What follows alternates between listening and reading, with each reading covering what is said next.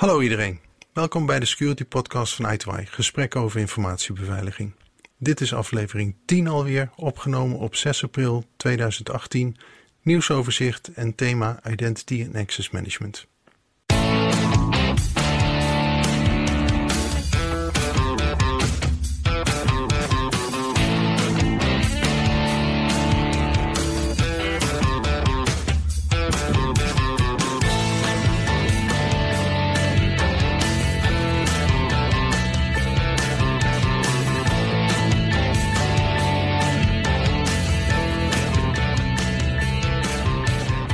In deze aflevering wachtwoorden opzoeken, Cloudflare DNS, TLS versie 1.3 en het thema IAM. Ik ben Lex Borger en vandaag zijn Eline van Dam en Bram van Pelt mijn podcastmaatjes. Hallo Eline, hoe is het met jou? Hoi Lex, gaat goed, dankjewel. Met jou? Ja, prima. Ik had jou om een weetje van de week gevraagd. Ja, klopt. Um, ik heb gekozen voor een uh, zonnig weetje van de week. Want wat mij opviel was dat uh, eigenlijk heel Nederland bezig was met het weer wat uh, gaat komen. Ja, we krijgen een mooi weekend, heb ik gehoord. We krijgen een heel mooi weekend. En ik vroeg me af, ja, hoe kan het nou dat mensen daar zo mee bezig zijn? En dat komt omdat afgelopen winter hebben wij de somberste winter gehad in 30 jaar. Met in december slechts gemiddeld één zonuur per dag. In januari waren dat in totaal 50 zonuren in de maand. In februari was wel wat beter, maar omdat maart dan weer zo koud was, zijn mensen nu echt toe aan het fijne zonnige weer. Dus uh, ja, ik wil ook het advies geven om dit weekend lekker achter je laptop vandaan te kruipen en van het mooie weer te gaan genieten. Ja, heeft dit nog een connectie met uh, global warming? Dat je weet? Niet dat ik weet. Nee, dat heb ik niet kunnen ontdekken. Ja, het is, het is inderdaad een beetje een sombere winter geweest. Ik ben eigenlijk ieder jaar wel klaar voor uh, de, de lente hoor de meeste van ons allemaal inderdaad. Maar het schijnt, uh, na deze winter schijnt het nog, uh, nog iets meer dan anders te zijn. Ja. Door, door de weinige zonuren. Ja. ja ik ga dit weekend uh, wat vitamine D opslurpen. Goed zo, ja. Wij gaan de barbecue weer afpoetsen, kijken of we die kunnen gebruiken. Ja, ook goed plan. En dan hebben we nog Bram. Bram, hoe is het met jou? Goedemorgen Lex, bij mij gaat alles goed. Ik heb er helemaal zin in. Nou, goed zo. En uh, het is voor jou inderdaad al de tweede keer dat je te gast bent in de podcast. Ja, gaat snel hè? Het gaat heel snel. Ik had ook jou een beetje van de week gevraagd. Ja, ik uh, ben op zoek gegaan naar een echte epic fail. En uh, ik kwam uit bij de Salton Sea. De, de Salton Sea, dat is een, een, meer in Amerika wat per ongeluk ontstaan is. De Salton Sea, dat was, vroeger was dat een, eigenlijk een heel akkerveld. Heel, allemaal boeren bij elkaar, die hadden daar hun akkers. Uh, ze hadden daar dan vanaf de Colorado rivier hadden ze daar hun eigen irrigatiekanalen gemaakt. En dat liep heel lekker. Totdat ze door hadden van er komt allemaal slip komt er in, in, de afvoerkanalen en uh, we slippen dicht. En toen zei een van de ingenieurs, weet je wat we doen? We maken gewoon een grotere opening, zodat er meer water in kan stromen. En in dat jaar kwam er een overstroming. Met als gevolg dat de rivier eigenlijk twee jaar lang in dat farmland is gaan, uh, gaan lopen. En twee jaar lang is daar dus water blijven staan. En dat konden ze niet afvoeren. En uh, als gevolg daarvan was er dus een nieuwe, uh, een nieuwe zee ontstaan, de Salton Sea. Ja, ik, ik, ken het wel, want ik heb in Californië gewoond. En uh, ja, dat is in het zuid, even kijken, goede hoek hebben, zuidoosten van Californië ligt die. Hè? Dat klopt, ja. Ben je er ook geweest? Ik ben er één keer in de buurt geweest, maar ik heb er niet omheen gereden. Nou, het, het is namelijk heel erg van een afstandje kennelijk al te herkennen, omdat het zo'n enorme stinkzee uh, aan het worden is. Uh, want wat er gebeurt is dat er nu nog steeds allerlei water instroomt, maar daar zit allerlei afval van in, van uh, de landbouw in de omgeving. Ja. Dat loopt daar dan dat meer in en daar verdampt het. Dus al het water verdampt, maar het afval niet. Ja. Met als gevolg dat het steeds chemischer wordt en steeds harder begint te stinken. En uh, het, het, het is een, een, heel interessant biologisch fenomeen wat daar uh, plaatsvindt, maar het, het stinkt vreselijk. Vissen kunnen niet meer in leven, dat, dat heb ik inderdaad gehoord. Kijk, mijn ervaring met de Salton Sea komt uit die tachtige jaar en dit staat mij even niet bij dat het werkelijk, wat jij beschrijft, een open riool. Dat had ik niet. Twee jaar geleden volgens mij, toen hadden Nick en Simon een, een trip door Californië. En toen kwamen ze ook langs de Salton Sea. En toen lieten ze er ook een, een en ander van zien wat, wat er allemaal niet leefde. Ja, dat is uh, vrij bizar als je daar langs loopt. Dat is echt gewoon een, een fout gemaakt in 1905. En nu is de, het resultaat, moeten wij dus nu gaan opruimen met z'n allen. Het is een mooi voorbeeld van hoe één fout een enorm gevolg kan hebben, wat je later moet gaan oplossen. Ja, ja dus denk goed na wat je doet. Ja, de quick fix is niet altijd de beste fix. Nee. Nee, en, en water is nou uh, natuurlijk helemaal een uh, probleem in die hoek. Want de Colorado rivier heeft veel te weinig water om uh, Californië van vers water te voorzien. Met als gevolg dat, uh, dat het daar in de omgeving heel erg opdroogt en dat bosbranden enorm uit, uh, uit de klauwen lopen. Ja. Zullen we doorgaan naar mijn beetje van de week? Ja, goed idee. Nummer 10, Lex, gefeliciteerd. Ja, dankjewel. Nou, ik hoop er nog uh, meer te doen, we, maar we zitten nu inderdaad, inderdaad al in de dubbele cijfers. Ik had op 1 april, van alle data die mogelijk zijn, is in de South Pacific uh, Tiangong 1 neergestort. Het Space Lab van China. En daar was wel wat nieuws over. Wat me in eerste instantie verbaasde was dat het al weken aangekondigd werd en dat men zich er druk om maakte. Toen kwam die neer en toen was het eigenlijk heel snel als een kaarsje uitgedoofd. En toen ben ik een beetje in gaan duiken van, van ja, je hebt dan bij zo'n Space Lab het idee van ja, dat is iets gigantisch. Maar als je dan gaat kijken van ja, hoe groot zijn de gevaartes die tot nu toe neergestort zijn, dan zijn nummer 1 en nummer 2 zijn Amerikaanse dingen, Skylab en de Columbia Shuttle. En die allebei zo tegen de 100 ton aan zaten. Nou, die zijn allebei nog eens over land ook neergestort. Alleen de ene in de woestijn van Australië en de ander in, in Texas en Louisiana. En eigenlijk bij die terugkeren is het een wonder boven wonder dat er niet grote schade heeft plaatsgevonden. Maar als je dat dan verder kijkt, dan is er dus ook nog een hele focus op space junk, space debris. Die we maar hebben rondzwerven rondom de aarde. Wat natuurlijk eigenlijk steeds meer een, een grote vuilnisbelt aan het worden is. En dat bedreigt niet alleen de aarde wanneer het neerstort. Maar bedreigt ook de andere nuttige satellieten die we in de lucht hebben. En we hebben een hele hoop plannen om nog meer satellieten de lucht in te sturen.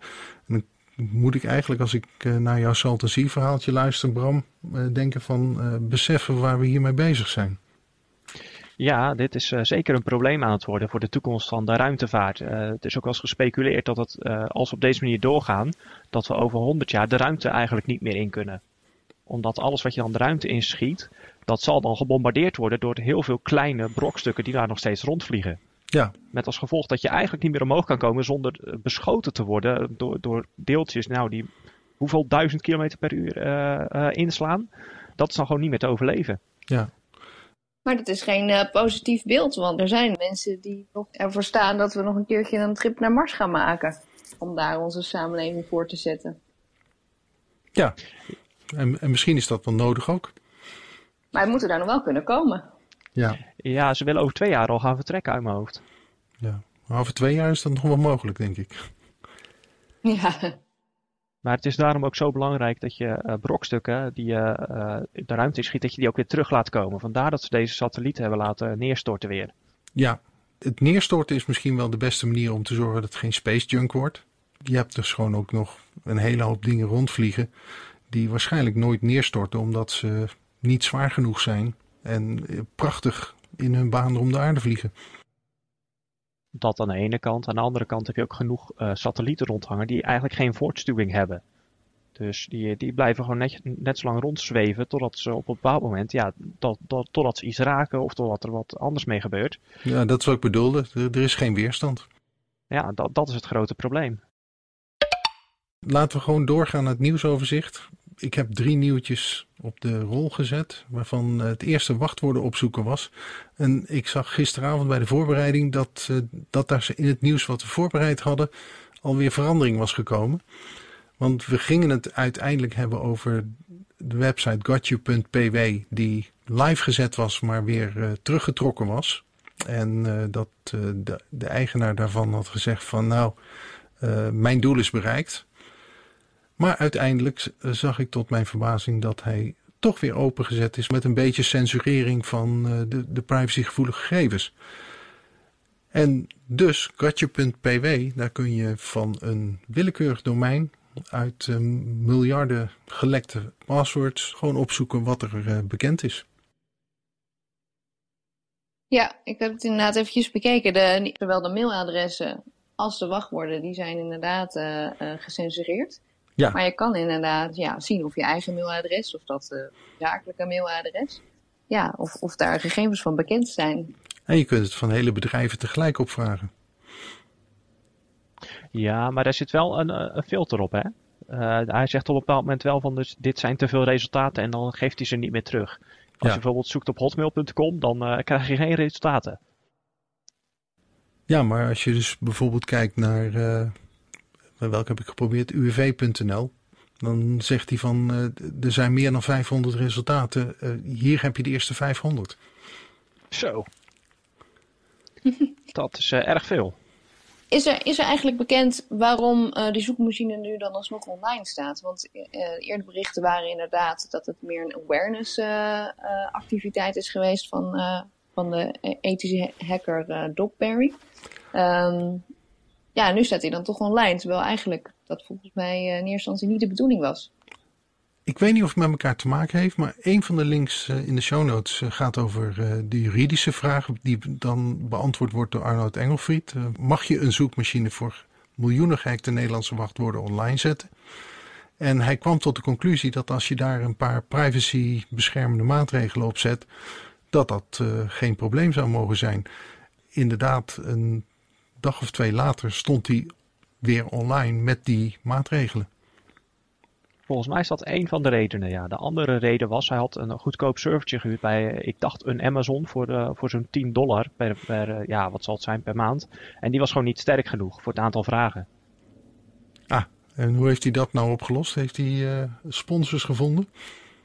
Ik heb geen idee, maar ik kan me voorstellen dat als je dit uh, belangrijk vindt om uit te dragen, om misschien wel werk of privé, dat je zegt van nou weet je wat, ik gooi er iets meer geld tegenaan. Want als je dan uh, zegt ik gooi er voor 30 of 40 euro tegenaan, dan heb je ook ineens drie, vier keer de capaciteit en dan kun je het best alweer aan. Ja, want hij concurreert met... Uh... Have I been pwned? Ja, die. En die, doet, die probeert het echt heel erg privé te doen. Dat klopt, ja. Wat vinden we van de een of de andere aanpak? Ja, ik, uh, ik, ik vind de aanpak die, uh, die de Nederlandse hacker kiest, die vind ik uh, ergens vind ik ook wel weer wat hebben. Hij geeft een, een paar karakters van het wachtwoord geeft hij weg. Uh, dat merkt dan in ieder geval al duidelijk van, hé hey, wacht, is dit, dit heb ik al eerder gebruikt. Waardoor het misschien al wat duidelijker is van, hé, hey, dus dat betekent dat het die wachtwoorden zijn. En alhoewel wij blijven zeggen, mensen gebruiken overal een ander wachtwoord, zijn er mensen die gebruiken hetzelfde wachtwoord op, op, op andere plekken. Dus door te weten van, hé, hey, dit wachtwoord is al bekend, kun je ook op andere plekken gaan aanpassen. Ja, ja, ik denk ook dat het, dat het, um, als het, als het gericht is op awareness kweken, dat je inderdaad echt een stukje van je eigen wachtwoord toepiekt, dat het schrik-effect wat groter is. En dat inderdaad uh, de bereidwilligheid van mensen om inderdaad verschillende wachtwoorden te gaan gebruiken, dat die ook wel vergroot wordt. Ja, terwijl uh, Have I Been moet je je wachtwoord geven en dan, dan, dan, krijg je terug of dat er hits op zijn. Nee, daar kun je ook gewoon je, eh, je e-mailadres ingeven. En ja. dan komt hij terug met uh, dit e-mailadres is bekend in de volgende hacks. Ja. Dus dat, dat geeft dan weer een nauwkeuriger beeld van hier, hier moet je het ongeveer gaan zoeken. Hier moet je je wachtwoord gaan wijzigen. Ja, je kunt het op twee manieren bekijken. Misschien wel op meer manieren. Maar ja, je kunt met je wachtwoord zoeken en je kunt met, uh, met je e-mailadres zoeken. Dit is gewoon uh, aan het uh, landschap toegevoegd. Geen idee of dit een blijvertje is, maar het, het zorgt in ieder geval wel voor heel veel awareness bij het grote publiek. En in die zin is het misschien wel uh, een, ja, een hele goede toevoeging aan het geheel. Ja, ik denk het wel. Kijk, het zijn natuurlijk gegevens die al heel lang op internet circuleren. Uh, en ik denk dat de gemiddelde internetgebruiker uh, niet zo snel zou weten hoe hij, hoe hij of zij erachter kan komen. Maar zo'n zoekmachine maakt het natuurlijk wel inzichtelijk. Ja, ja en de, de, mensen aan de donkere kant, die, die hebben deze informatie gewoon, punt. Precies. Of die kunnen eraan komen, ja. Ja. Nou, een volgend nieuwtje. Ook op 1 april kwam Cloudflare met een DNS-dienst aan. En 4 keer 1, oftewel het IP-adres 1.1.1.1. Wat is nog mooier dan de datum als je hem op zijn Amerikaans zegt, uh, 4-1. Uh, om dan met zo'n IP-adres de lucht in te gaan. En ook mooi dat ze dat zo gekregen hebben. Het is een beetje als een beloning voor, de, voor wat analysewerk wat ze gedaan hebben. Mogen ze dat IP-adres hebben voor deze dienst. Ja, en ook door de manier waarop ze, waarop ze die dienst gaan aanbieden, hebben ze hem gekregen. Oké, wat, wat weet je daar de details van? Nou, de details die kun je opvragen, want ze gaan publiek gaan ze een KPMG-rapport publiceren waarin ze duidelijk maken dat er niks naar Discord geschreven. Behalve logging voor debugging en voor andere dingen, opsporen van, van malicious activity. Uh, die logging gaat 24 uur terug en verder dan dat niet. En ze worden dus kennelijk geaudit door KPMG. Ja. En dat rapport gaan ze ook publiceren. Dus uh, in dat opzicht is het, uh, is het privacyvriendelijker dan Google's aanbieding. Ja, ze steken echt in op privacyvriendelijkheid. Dat klopt. Ja, heel erg. Net zoals Google leveren ze in ieder geval ook uh, feature eraan gaat komen, DNS over HTTPS. Met, met de prachtige afkorting DO. Ja, ik begreep dat naast inderdaad privacy een belangrijk, is dat snelheid ook een heel belangrijke feature van deze nieuwe release. Ja. Heeft dat dan inderdaad met, met, uh, met DNS over HTTPS te maken? Nee, uiteindelijk niet. Ze, zijn gewoon, ze proberen gewoon uh, loeisnel te zijn met uh, de reacties. En ik heb eigenlijk niet gekeken van hoe ze dat precies voor elkaar krijgen. Maar volgens mij, juist als je over HTTPS gaat, heb je wat uh, vertraging eerder dan versnelling. Ja, dat klopt. Maar zij hebben natuurlijk al een hele global infrastructuur hebben zij klaarstaan. Omdat zij al DDoS aanvallen afweren. En daar heb je ook al echt goede uh, infrastructuur voor nodig ja. die over heel de wereld spant. Dus ik verwacht dat zij diezelfde infrastructuur gebruiken voor deze DNS-dienst. En dat ze daarom zo snel zijn. Omdat ze gewoon. Ze, ze, hebben al, al die machines hebben ze al. En als er geen DDoS aanval is, dan hebben ze ook gewoon denk, de capaciteit over om dit goed op te vangen. Ja. En daarom zijn ze nu al uh, de snelste in de wereld gemiddeld gezien. Ja. En, en een ander ding wat ik inderdaad herinner, dat ze ook de gefaalde DNS-verzoeken uit het verleden voor een korte tijd cachen. Waardoor je dus ook uh, minder vaak blijft vragen om iets wat fout gelinkt staat op het internet. Ja, ja en ze leveren daarnaast, uh, uh, naast die snelheid die ze leveren, uh, leveren ze dus uh, die, die privacy. En volgens mij waren ze. Ja, ze zijn ook op 72% van de locaties zijn ze de snelste. Met een, een, een, een average over heel de wereld van minder dan 5 milliseconden. Ja, ja dat is impressive. Dat is echt uh, heel bijzonder. Want als je kijkt naar, naar de resultaten, dan zie je dat in Europa en, en Noord-Amerika. Dan kan iedereen eigenlijk wel binnen zo'n 20, 30 seconden, milliseconden uh, antwoord geven. Maar het, het spannende wordt als je daar buiten gaat kijken, naar bijvoorbeeld Australië. Dan heb je dus uh, aanbieders die er wel 300 milliseconden over doen. Dus dat is een derde seconde om een antwoord te geven op een DNS-query. Jeetje. En zij doen dat dus in, in Brisbane in 3 milliseconden en in Sydney in 22. Ja. Wat dus gewoon echt loeisnel is, zeker voor die omgeving. Ja, en wat je al eerder zei, dit, dit klinkt als een hele slimme zet als je toch een hele grote wereldwijde presence hebt om DDoS aanvallen op te kunnen vangen. Dan kun je die infrastructuur ook gebruiken buiten de aanvallen om, om dit soort dingen te doen. Ja, zeker. En een gerelateerde hieraan is, uh, omdat we DNS over HTTPS hebben gehad, uh, TLS versie 1.3 is nou echt approved. Uh, gaat dat veel dingen veranderen, denken jullie? Nee, ik vind het lastig. Uh, want als je zegt gaat veel veranderen, uiteindelijk het internet blijft dezelfde content bieden. De, dus in, in dat opzicht er wordt ook niet echt een, een mogelijkheid geboden om, om echt heel nieuwe webpagina's te bouwen. Je blijft nog steeds dezelfde content krijgen. Het wordt alleen op een veel, veel veiligere manier wordt het bij je gebracht en op een veel snellere manier. Ja, we spreken over, we willen het hele internet eigenlijk beveiligd, dus uh, encrypted uh, kunnen surfen. Daar komen we steeds dichterbij. Is TLS uh, 1.3 daar een goede stap in om dat mogelijk te maken? Misschien wel. Ik, ik, denk het, het is veel meer inhoudelijk dat het de verbinding verbetert. Het gaat niet ervoor zorgen dat je een makkelijkere TLS-verbinding op kan zetten. Ik bedoel, je moet nog steeds het certificaat gaan installeren. Je moet nog steeds die, die, SS, of, nou, die TLS moet je enabelen. Uh, dus dat, in dat opzicht wordt het niet makkelijker. Het, uh, ja, alleen de inhoud van de verbinding wordt veiliger. En, en ja, omdat je sneller de handshake kan maken, uh, krijg je daar ook iets meer snelheid op. Ja. Ja, daarnaast zijn er natuurlijk ook wel wat, wat beveiligingsvraagstukken rondom de nieuwe versie. Dan met name rondom de roundtrip. Bram, hoe zie jij dat? Ehm, ja, ik, uh, ik, ik heb door de RFC heb ik nu gekeken. Ik ben er nog niet helemaal doorheen. Het is een vrij lang stuk. Uh, maar die zero round trip, dat is, uh, ja, dat is een bijzondere, bijzondere nieuwe feature. Wat ze eigenlijk gaan doen, is dat de eerste keer dat je verbinding maakt, dan, dan kun je een sleutel opbouwen. Omdat je uiteindelijk het doel is om een symmetrische sleutel, sleutel te bouwen naar een asymmetrische onderhandeling. En die symmetrische sleutel, die gaan ze nu eigenlijk wat langer cachen. Waardoor je eigenlijk bij een tweede of een derde bezoek kun je die sleutel weer gebruiken. Dat noemen ze de zero round trip. Uh, dus dat, dat zorgt uh, uh, ook weer voor een stuk snelheid. Maar ja, je moet dus wel die, die sleutel moet je goed gaan beveiligen. En dat wordt dus wel weer een, een zwak punt. Dus je moet echt wel nadenken van, vind ik mijn applicatie belangrijk genoeg om die zero round trip aan of uit te zetten? Want ik kan me voorstellen, als je een website hebt, bijvoorbeeld i2i.nl, dat is eigenlijk meer een soort reclameachtige poster. Hè? Het gaat er weer over van, bij ons kijk je een keertje rond van, nou, wat voor mensen zitten er, wat voor artikelen lezen ze. Maar je, je doet er geen belangrijke dingen. Je doet er niet je bankzaken. Dus ik kan me goed voorstellen dat zo'n zero round trip daar heel erg handig is. Maar bij mijn bank zou ik het niet willen. Oké. En heb je dan inderdaad ook de mogelijkheid om dat dan uit te zetten en wel gebruik te maken van de versie? het, ik denk het eigenlijk wel, want het, zit natuurlijk, uh, het wordt gespecificeerd in de RFC. Uh, maar de, de server zelf die geeft aan van wil ik het gebruiken ja of nee. En als de server zegt van ik accepteer uh, de sleutel van mijn vorige sessie niet, ik bouw een nieuwe sessie op, ja, dan houdt het gewoon gauw op. Dan moet je wel als client.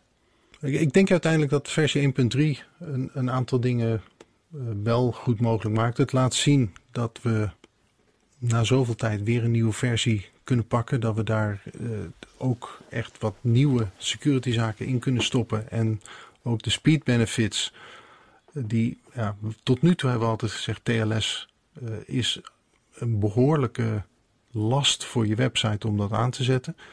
En je ziet dat eigenlijk nou verdwijnen. We hebben, we hebben hardware acceleration voor de, voor de encryptie. We hebben uh, de protocollen zijn niet meer trager per se. En daarmee denk ik dat je een, een heel stuk vooruitgang kunt uh, krijgen. Browser support lijkt er goed aan te komen. Er zijn nog een aantal grote browsers die achterlopen. Maar ik denk dat dat meer een vraag is van hoe lang gaat het duren voordat ze ook 1.3 uh, zullen supporten. Die zullen gewoon gewacht hebben totdat het officieel approved was. Want is het, is het officieel approved? Ja, ze zitten nog wel in een soort van, van tussenperiode. Dus uh, nu mag het publiek er ook goed naar kijken. En mocht er vanuit het publiek ineens iemand komen met een heel slim idee, een heel goede opmerking van hé, hey, wacht eens, het gaat fout hierom dan kunnen ze nog intrekken eigenlijk. En die periode loopt tot september. Ah, oké. Dus je hebt kans dat, dat na inderdaad september dat implementatie echt van start gaat. Uh, dat zou kunnen. Ik denk dat de meeste browserbouwers al wel voor die tijd gaan, gaan bouwen om in ieder geval al te laten zien van hé, hey, wij kunnen dit. Um, maar ik kan me ook goed voorstellen dat ze zeggen van er is nu nog minder dan, ik dacht een honderdste of een duizendste procent van het verkeer gaat over TLS 1.3. Dus ja, is het al de moeite waard om het in te bouwen in mijn browser? Ja, het vervelende hierbij is, is dat je, je, je moet grote breaches voor zijn. En we hebben in het verleden een paar keer gehad van door ondersteuningen van oude SSL en TLS versies uh, websites ineens uh, lek bleken te zijn. En als je dan geen alternatief hebt om snel uh, op te schakelen, dan zit je helemaal moeilijk. Dus ik denk dat we, ik denk en ik hoop dat we geleerd hebben dat op het moment dat je een nieuwe standaard hebt, dat je die standaard ook moet gaan gebruiken. Ja, er zit natuurlijk wel een keerzijde aan de medaille. Hè? Want het is nu een nieuwe standaard. Hij is nog niet bewezen. En TLS 1.2 is al redelijk bewezen. Daar zijn we al een tijd mee bezig. Ja. Dus ook, ook daar zit ergens, uh, uh, er zit ergens een gouden moment om in te stappen. En uh, ja, dan moeten ze zelf verzinnen uh, als browserbouwers van joh, wanneer vinden wij dat het, het juiste moment En voor andere applicatiebouwers, van wanneer gaan wij nou TLS 1.3 ondersteunen? Wanneer denken wij dat dit uh, qua specificatie goed genoeg is en sterk genoeg is om ook te implementeren? Uh, en ja, hoe zit het met de rest van de markt? Want als ik de enige ben in de markt die dat doet, en ik doe dat open source, bijvoorbeeld zo Firefox, gaan ze dat niet direct van mij dan weer terugjatten. En dan heb ik al die moeite heb ik gedaan en de rest krijgt het gratis. Ja, ja er, blijft dus, er blijft dus nog wel wat uh, monkey see, monkey do uh, overwegingen achter, zeg jij. Ik, ik, denk het wel, maar er zijn al een paar monkeys die het doen. Dus ja. als de rest goed oplet, dan denk ik dat ze wel meegaan. Ja, Oké. Okay. Zullen we doorgaan naar het uh, thema? Ja. Want ik, ik wilde het gewoon daarover hebben. We hebben recentelijk ook bij elkaar gezeten om over Identity Access Management uh, te spreken. Er zijn een aantal vragen die ons misschien op hoog niveau niet vaak genoeg stellen. En de allereerste vraag die, die ik ons had uh, opgelegd was van ja, uiteindelijk als je het goed beschouwt, regelt ieder uh, systeem zijn toegangsbeveiliging zelf. Dus waarom zou je Identity Access Management centraal met een aparte tool willen regelen? Nou ja, door de toegangsregels uh, centraal te beheren, kan je een heel stuk efficiëntievoordeel behalen. Los daarvan, als je toegangsregels centraal beheert, maakt het ook inzichtelijker wie op welk moment toegang heeft tot welke informatie. En dat maakt het voor je controles maakt het ook een stuk eenvoudiger. Ja, dus met name de focus die we tegenwoordig hebben op reguleringen, waarbij we allemaal moeten bewijzen dat het allemaal goed loopt, zouden daarmee helpen. Zeker met de komst van de AVG, die nu echt wel voor de deur staat, ja, wordt het steeds belangrijker om op elk moment te weten tot welke informatie je medewerkers toegang hebben. Ja. En wat zou een tool dan kunnen doen voor je? Nou, uh, wat het ook nog kan doen, is dat je uh, een moment hebt dat je kan ingrijpen. Dus uh, als iemand heel boos door je bedrijf loopt, omdat hij zich ja, toch niet goed behandeld voelt, en die zegt: Ik ga nou even die systemen voor je plat brengen, dan kun je hem eigenlijk nog voordat hij bij zijn werkstation aankomt, zou je hem al als centraal kunnen uitschakelen. Dus het is, wat dat betreft, is het, heel preventief kun je hiermee aan de slag gaan. Ja, dus echt, echt de use case van, van heel snel autorisaties intrekken als nodig kun je hiermee beter bedienen dan dat inderdaad bij ieder systeem apart uit te moeten zetten, zeg jij? Ja, als je nou honderd keer moet inloggen om de juiste persoon op te zoeken en hem dan te disabelen, of je kan het in één keer doen, ja, vertel mij maar wat sneller is. Ja. Ja, en dan heb je het inderdaad over, over het intrekken van rechten. Maar ja, als er een nieuwe medewerker in dienst komt, hoe makkelijk is het om, om, op één plek toegang te geven tot de informatie die hij nodig heeft? Dan kan iemand ook misschien wel een stuk sneller aan de slag. Ja, ik denk dat die laatste use case misschien wel vaker voorkomt ook. Ik hoop het wel. ja. ja, plus dat een, uh, een centrale tool voor Identity Access Management. En dat brengt ook vaak uh, een soort self-service portaal met zich mee. Uh, hè, hoe vaak gebeurt het wel niet dat een uh, gebruiker zijn wachtwoord kwijt is of dat hij gereset moet worden? Allemaal last, zeg maar, die terechtkomt op de IT-afdeling. Ja, als een soort self-service portaal beschikbaar is, dan, uh, dan scheelt dat ook een hele hoop werk. Ja. En het werken met een bepaald autorisatiemodel. Dus Airbag, ABAC noem ik even. Ja, daar, daar zijn de, de meningen over verdeeld. Uh, uh, ik ben zelf groot voorstander van ABAC. Ik weet natuurlijk dat er mensen zijn die zeggen van nou Airbag is het helemaal. Maar misschien voor de, voor de luisteraars is het goed om even het onderscheid te maken. Als we het hebben over Airbag, dan hebben we het over role-based access control. Dus je, je definieert rollen in je bedrijf. Je gaat dan aan de hand van die rollen ga je mensen toegang geven. En als we het hebben over ABAC, dat is attribute-based, dan heb je het dus over mensen bepaalde attributen in hun profiel staan. En op basis van dat attribuut geef je toegang. Ja. En kan je een paar voorbeelden noemen van zo'n van die attributen, Bram? Nou, wat je bijvoorbeeld op internet nogal vaak ziet, is dat uh, mensen voordat ze bijvoorbeeld een filmpje mogen kijken of voordat ze ergens mogen uh, toegang tot krijgen, moeten ze vertellen hoe oud ze zijn. Dat ze in een bepaald jaar geboren zijn. Nou, we weten ongeveer iedere tiener uh, voorbij 20 te tellen. Dus dan hebben die controles niet zo heel veel zin. het voordeel is dus als je een, een gebruiker hebt die ingelogd is, uh, dan kun je al afleiden aan de hand van zijn profiel van hé, hij mag dit helemaal niet zien, hij hoeft dit ook helemaal niet te kunnen. Dus dan hoeft hij heel die vraag je niet te stellen. Uh, voor die controles is dat bijvoorbeeld heel, heel fijn. Uh, het, kun je, het kan je in bedrijfscontext helpt het ook heel erg als mensen overgaan van de ene naar de andere afdeling. Door gewoon mee te sturen van dit is de afdeling waar de persoon op werkt, kun je dus in dat geval kun je al heel snel de beslissing maken zonder dat je opnieuw rollen hoeft te berekenen. Van de persoon mag wel toegang hebben tot dit systeem of juist niet. Ja, ja en ik las ook wel voorbeelden over een locatie, dus vanuit welke plek een gebruiker inlogt. Klopt. Tijdstippen. Ik kan me inderdaad ook heel goed voorstellen dat er een, uh, uh, ja, dat ergens midden in de nacht vanuit een exotisch land geen toegang uh, hoeft te worden gegeven aan bepaalde informatie, uh, uh, ondanks dat je remote werken ondersteunt. Ja, dat, dat maakt het voor. dat kun je met ABAC doen. En je kan ook redelijk snel kun je zien van gebruiker kwam 10 minuten geleden uit Australië en nu uit de Verenigde Staten. Dat kan niet. Dus we slaan meteen dat account dicht. Dat kun je allemaal doen met, met ABAC, ja. Dus ik hoor eigenlijk ABAC is geavanceerder dan AirBAC. En als ik hem heel plat sla, dan zeg ik van AirBAC is in feite een simpele vorm van ABAC, waarbij je het uh, rolattribuut ondersteunt. Ja, maar AirBAC kan één ding makkelijker dan ABAC en dat is uh, segregation of duty.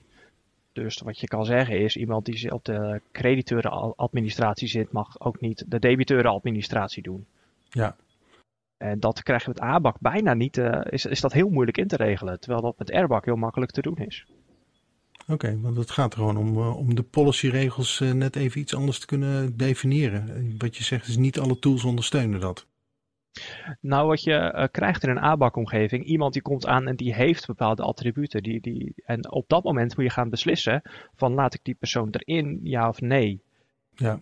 Dus als er dan een segregation of duty is, ja, wat moet ik dan doen als applicatie? Moet ik dan zeggen van je mag alleen in één rol toegang geven of in de andere rol of geef ik hem geen toegang? Uh, in een AirBag-model heb je dat al helemaal uitgerekend en heb je die uitzondering van tevoren al afgevangen. Ja. Dat, dat is een beetje het voordeel van AirBag uh, in mijn optiek. Ja. Inzicht en overzicht geven aan people managers en systeemeigenaren, security managers, daar hebben we het al over gehad. Ik heb nog wel een vraagje aan, aan jou, Bram.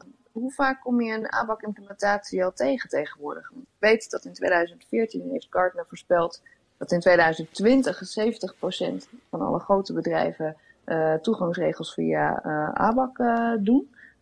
Nou ja, het komt wel aardig in de buurt. Hoe, hoe zie jij dat in de praktijk? Ah, ik vind dat heel lastig om een antwoord op te geven. Ik ben als consultant kom je binnen bij een klant en dan weet je redelijk goed de, de, context van één klant. Maar hoe dat dan verder in de markt zit, vind ik heel lastig om te omschrijven. Het is ook heel lastig om te, om te zeggen van hoe ver zijn we nu. Omdat ABAC werd vroeger Rule-Based Access Control, control genoemd. En dat was dus ook afgekort AirBAC. Dus het is af en toe ook wel heel lastig om te zien van welke van de twee wordt nu gebruikt. En uh, hoe ver zijn we nou eigenlijk met ABAC. Maar ik denk wel dat ABAC de toekomst heeft.